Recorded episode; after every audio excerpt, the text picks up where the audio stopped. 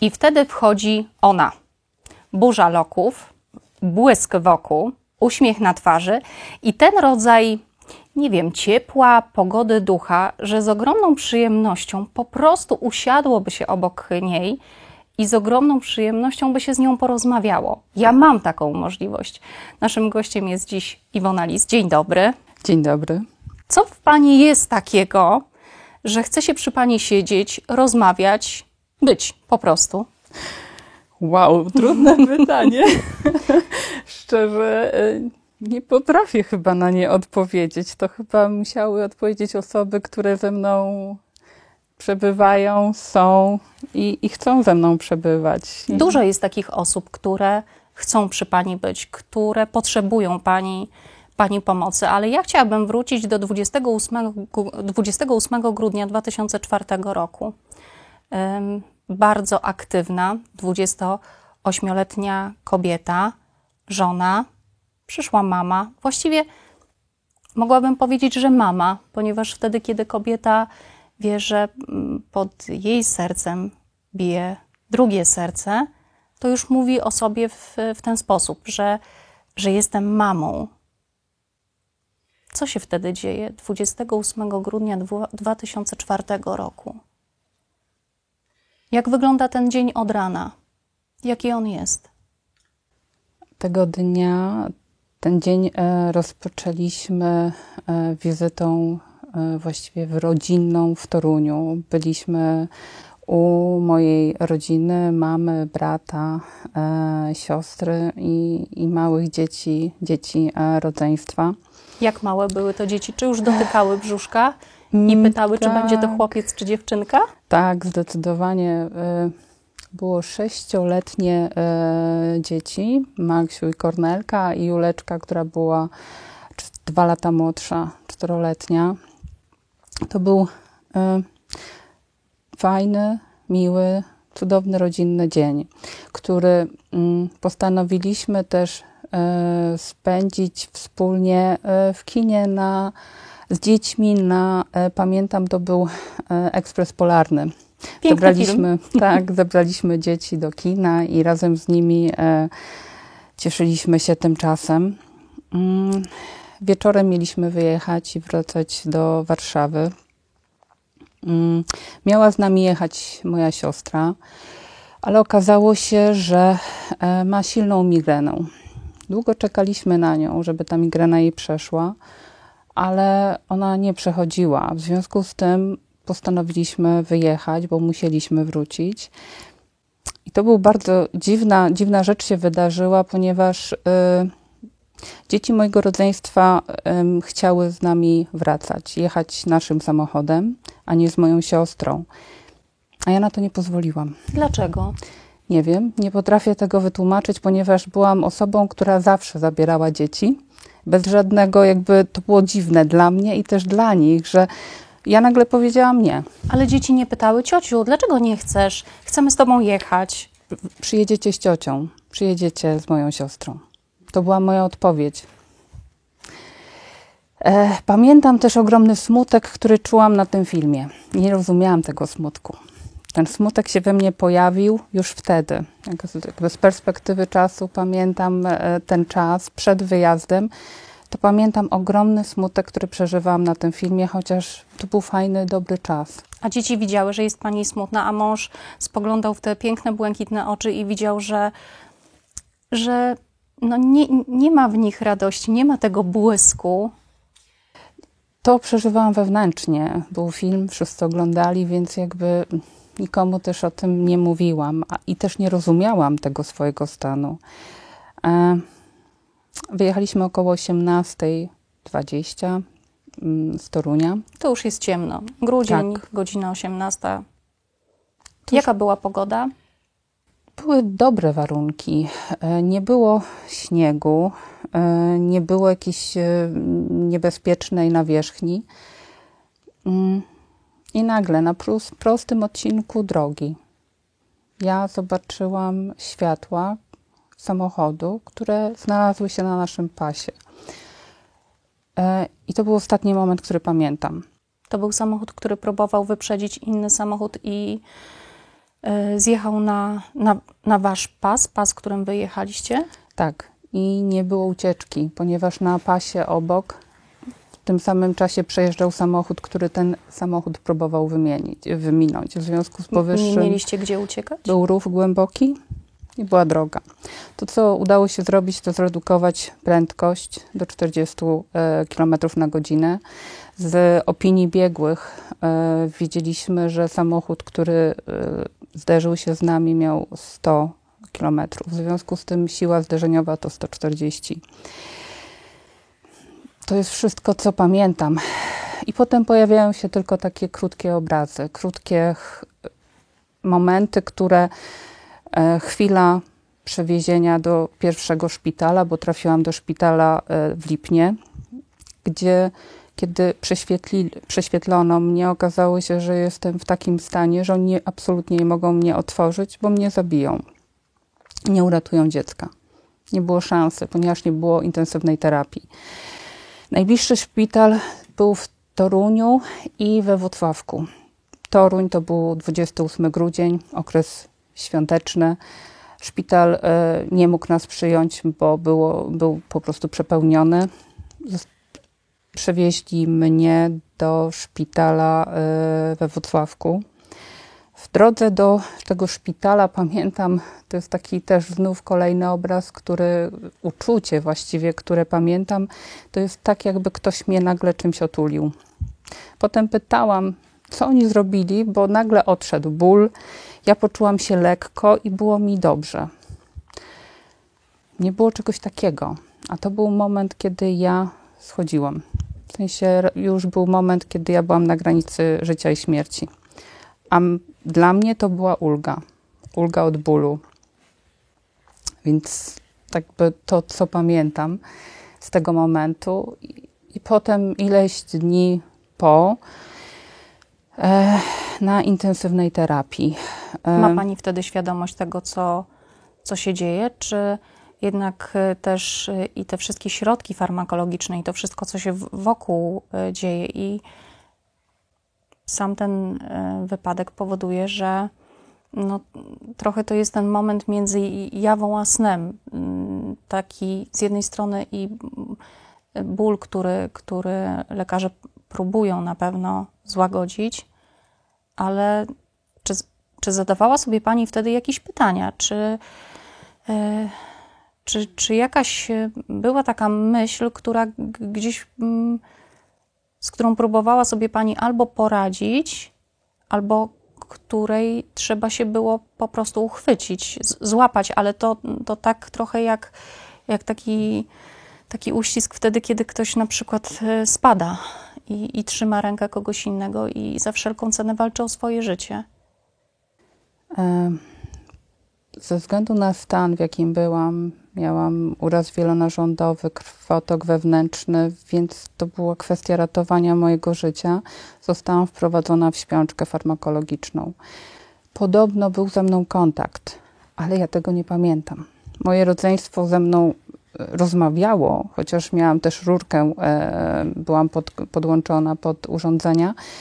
Lekarze powiedzieli, ale i tak nie będzie tego pamiętać. I rzeczywiście tak jest. Tego się nie pamięta. E, to bardziej mój obraz, moje, moja rodzina przeżywała, będąc i widząc mnie w tym stanie, kiedy zostały mi przywiązane ręce, ponieważ wyrywałam sobie rurkę bo, bo dla mnie ona mi przeszkadzała w jakiś tam sposób i w pewnym momencie zostałam przywiązana do tego łóżka na ojomie, a oni wiedzieli, że mam klaustrofobię i dla mnie ten stan był po prostu czymś przerażającym.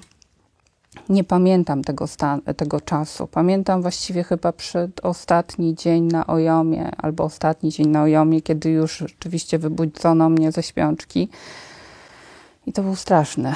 To, to, to, rzeczywiście jest na granicy żyć takiego snu. Wydaje się, że to jest nierealne. Jest, byłam jakby w, nafaszerowana taką ilością środków, leków, że właściwie takiego bezpo... jest się znieczulonym w tym momencie na jakiekolwiek emocje. Tego, tego się nie, nie jest w stanie przeżywać, ale to wszystko jest. Mm, pamiętam, że ostatniego dnia pobytu na Ojomie zadzwoniła do mnie siostra, nie siostra, pani, ponieważ byłam mówiona do szkoły rodzenia. Ona zadzwoniła do mnie, dlaczego mnie nie ma. I to był, to był moment, kiedy musiałam powiedzieć, że, że jestem w szpitalu i, i na pewno już nie będę. A najgorsze pytanie, z którym musiałam się zmierzyć, którego właściwie na początku nawet nie potrafiłam sobie zadać. Dopiero jak zaczęły te morfina, te silne leki były powoli jakby e, e, eliminowane i było ich mniej. Najtrudniejszym pytaniem było dla mnie, czy wybierali, czy lekarze wybierali. Wybierali? Usłyszałam, że nie, nie mieli wyboru. Mm, nie było szansy, aby moje dziecko przy krwotoku wewnętrznym, gdzie moja miednica właściwie się rozpadła, ona mm, była jakby jak puzzle. Ja, ja mam zdjęcie i ja nie wierzę, że to jest moja miednica. Nie było szansy na to, żeby uratować moją córeczkę Anię. Choć szczerze, gdybym miała wybór, to nie ja bym tu siedziała. Tak jest, ale y, nie mam wyboru. Muszę się pani do czegoś przyznać. Jadąc tutaj do studia, bardzo się bałam tej rozmowy.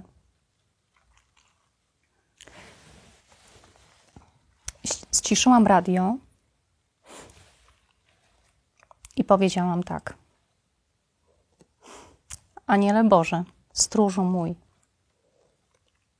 spotkaj się z jej aniołem stróżem. Dogadajcie się. I wiedziałam, że muszę już to zostawić, puścić. Bałam się bardzo. Nie jest łatwo o tym Nie. mówić. Pani na co dzień zajmuje się traumami, Tragedią, tragedią ludzi. a czy ze swoją tragedią pani sobie poradziła?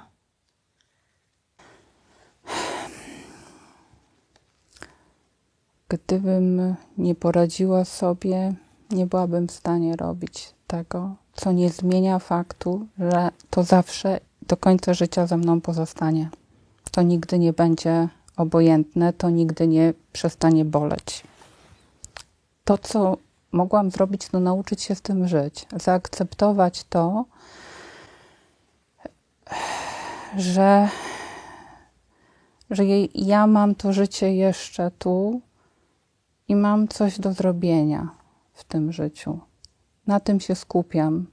Nie skupiam się na swoim bólu, bo nie byłabym w stanie żyć dalej i nie byłabym w stanie funkcjonować bardzo długo, bardzo długo. Przez kolejnych pięć lat mierzyłam się z rolą ofiary.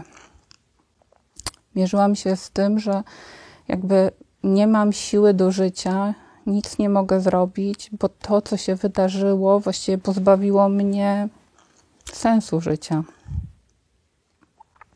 Zostałam właściwie jedna, jedna chwila i to bez naszego jakiegokolwiek udziału. Czyjś po prostu błąd na, na drodze spowodował, że,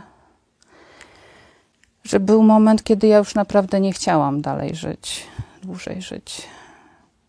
Żyłam tak naprawdę dla moich bliskich, które, którzy byli ze mną, którzy tak bardzo mnie wspierali, że nie potrafiłabym im w jakiś sposób zrobić tego, że ja bym skapitulowała.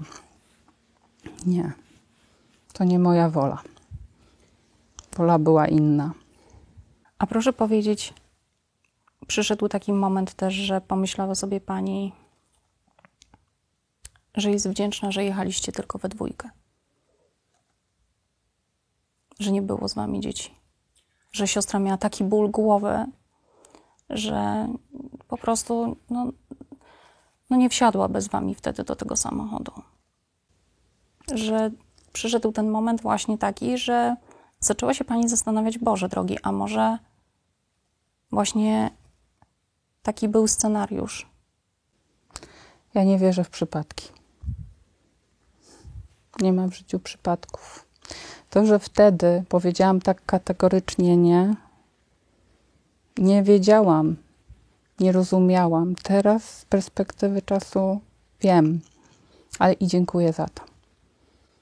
Choć chciałabym, gdybym mogła zmienić, to na pewno nie chciałabym tego doświadczenia, ale z drugiej strony e, zaczęłam inaczej myśleć. Pani powiedziała słowo wdzięczność. To ta wdzięczność mnie uratowała, mi pozwoliła wrócić do życia, wyjść z roli ofiary. W pewnym momencie z pytania, dlaczego to się wydarzyło, pojawiło się w mojej głowie pytanie, po co to się wydarzyło. I też zaczęłam na siłę wyszukiwać rzeczy, za które mogę w życiu podziękować, za to, co mam.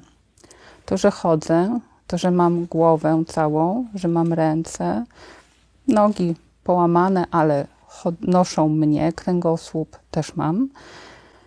Zaczęłam dziękować za wszystko, za co mogę podziękować. Za cudownych ludzi i za cudowną rodzinę, która dała mi siłę do dalszego życia, na przetrwanie tego czasu. Przyszedł też moment, kiedy podziękowałam za osiem cudownych miesięcy z moją córeczką Anią. Mogę patrzeć na to jako. Nie potrafię podziękować za jej śmierć, za jej odejście, ale mogę podziękować, bo miałam ten dar ośmiu miesięcy wspólnego, cudownego czasu i, za, i wolę się na tym skupić. Ona przyszła na ten krótki czas. Wierzę też, że w jakiś sposób po to, żeby zmienić moje życie i zmieniła je diametralnie. Odmieniła mnie, odmieniła to, w jaki sposób żyłam. Dziękuję jej za to. Fundacja, którą uruchomiłam po to, żeby nadać sens temu, co wydarzyło się w moim życiu, to jest też jeden element, tak naprawdę bardzo ważny poradzenia sobie po tym moim doświadczeniu. Nazywa się For Ani. Dla Ani. Po latach mogę powiedzieć dzięki Ani. To dzięki niej ta fundacja jest i ta fundacja pomaga innym ludziom. Po to przeżyłam te pięć lat bardzo trudnych, którego nikomu nie życzę takiego doświadczeń i takiego zmagania, ale przeżyłam to też po to, żeby móc teraz mądrzej pomagać innym ludziom. Wierzę w to, że to doświadczenie temu służyło. Nie wiem, nie potrafię e, i nie znam planu. Mogę tylko odczytywać te znaki, które mam i dać się prowadzić. I to jest to, co, co staram się robić, dać, pozwalam się prowadzić Bogu. To jest moje życie, ale On tak naprawdę realizuje swój plan. Tak chcę, tak bym chciała, żeby tak było. Pani wspomina o pięciu takich e, trudnych e, latach. To, że my rozmawiamy, to w ogóle jest cud. Tak. To, że tu się spotkałyśmy. Cud. Pani, zastanawiam się, pani miała złamane, połamane nogi, ręce, miednicę, z której właściwie, proszę mnie dobrze zrozumieć, proszę się nie obrazić, ale można by było ułożyć puzzle. Tak, tak było. Tak było. Tyle tylko, że kobieta, która nosi pod swoim sercem dziecko, nowe życie, oprócz zdrowia traci życie. Ile operacji jeszcze po tym trudnym momencie, po tym wypadku musiała Pani przejść, żebyśmy tutaj siedziały? Ile sytuacji trudnych musiała Pani też przejść, żebyśmy tutaj usiadły i porozmawiały? Po wypadku musiałam przejść osiem poważnych operacji. Do końca życia będę się mierzyć z bólem, ale to, ale chodzę, chodzę i, i skupiam się znów na tym, co mam, na czym mogę budować. A w szpitalach łącznie spędziłam ponad rok i miesiąc. ponad rok i miesiąc swojego życia. Długi czas, bardzo, bardzo ciężki. Mierzę, gdzie musiałam się zmierzyć z bólem fizycznym, ale też z bólem, silnym bólem psychicznym. Który jest gorszy? Pani Iwono, który jest gorszy? Psychiczny. Psychiczny. Jeżeli ja zadam y, mało delikatne pytanie, to moja gorąca prośba, proszę mi powiedzieć, że żebyśmy porozmawiały o czymś innym. Ale jeżeli po roku wychodzi pani ze szpitala,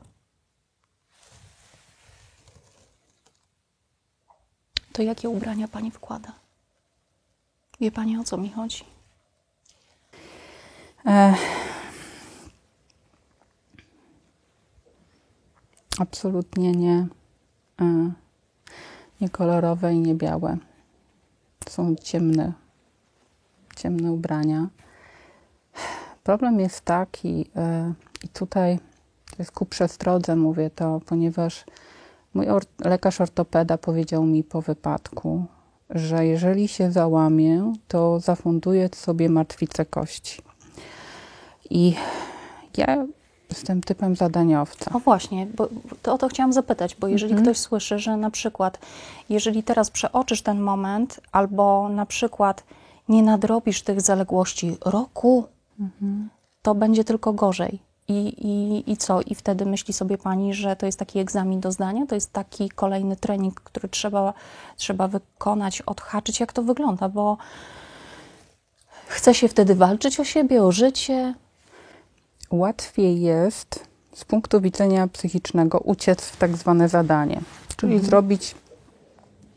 Nie mogę się załamać, mam pracować nad ciałem, to będę nad nim pracować.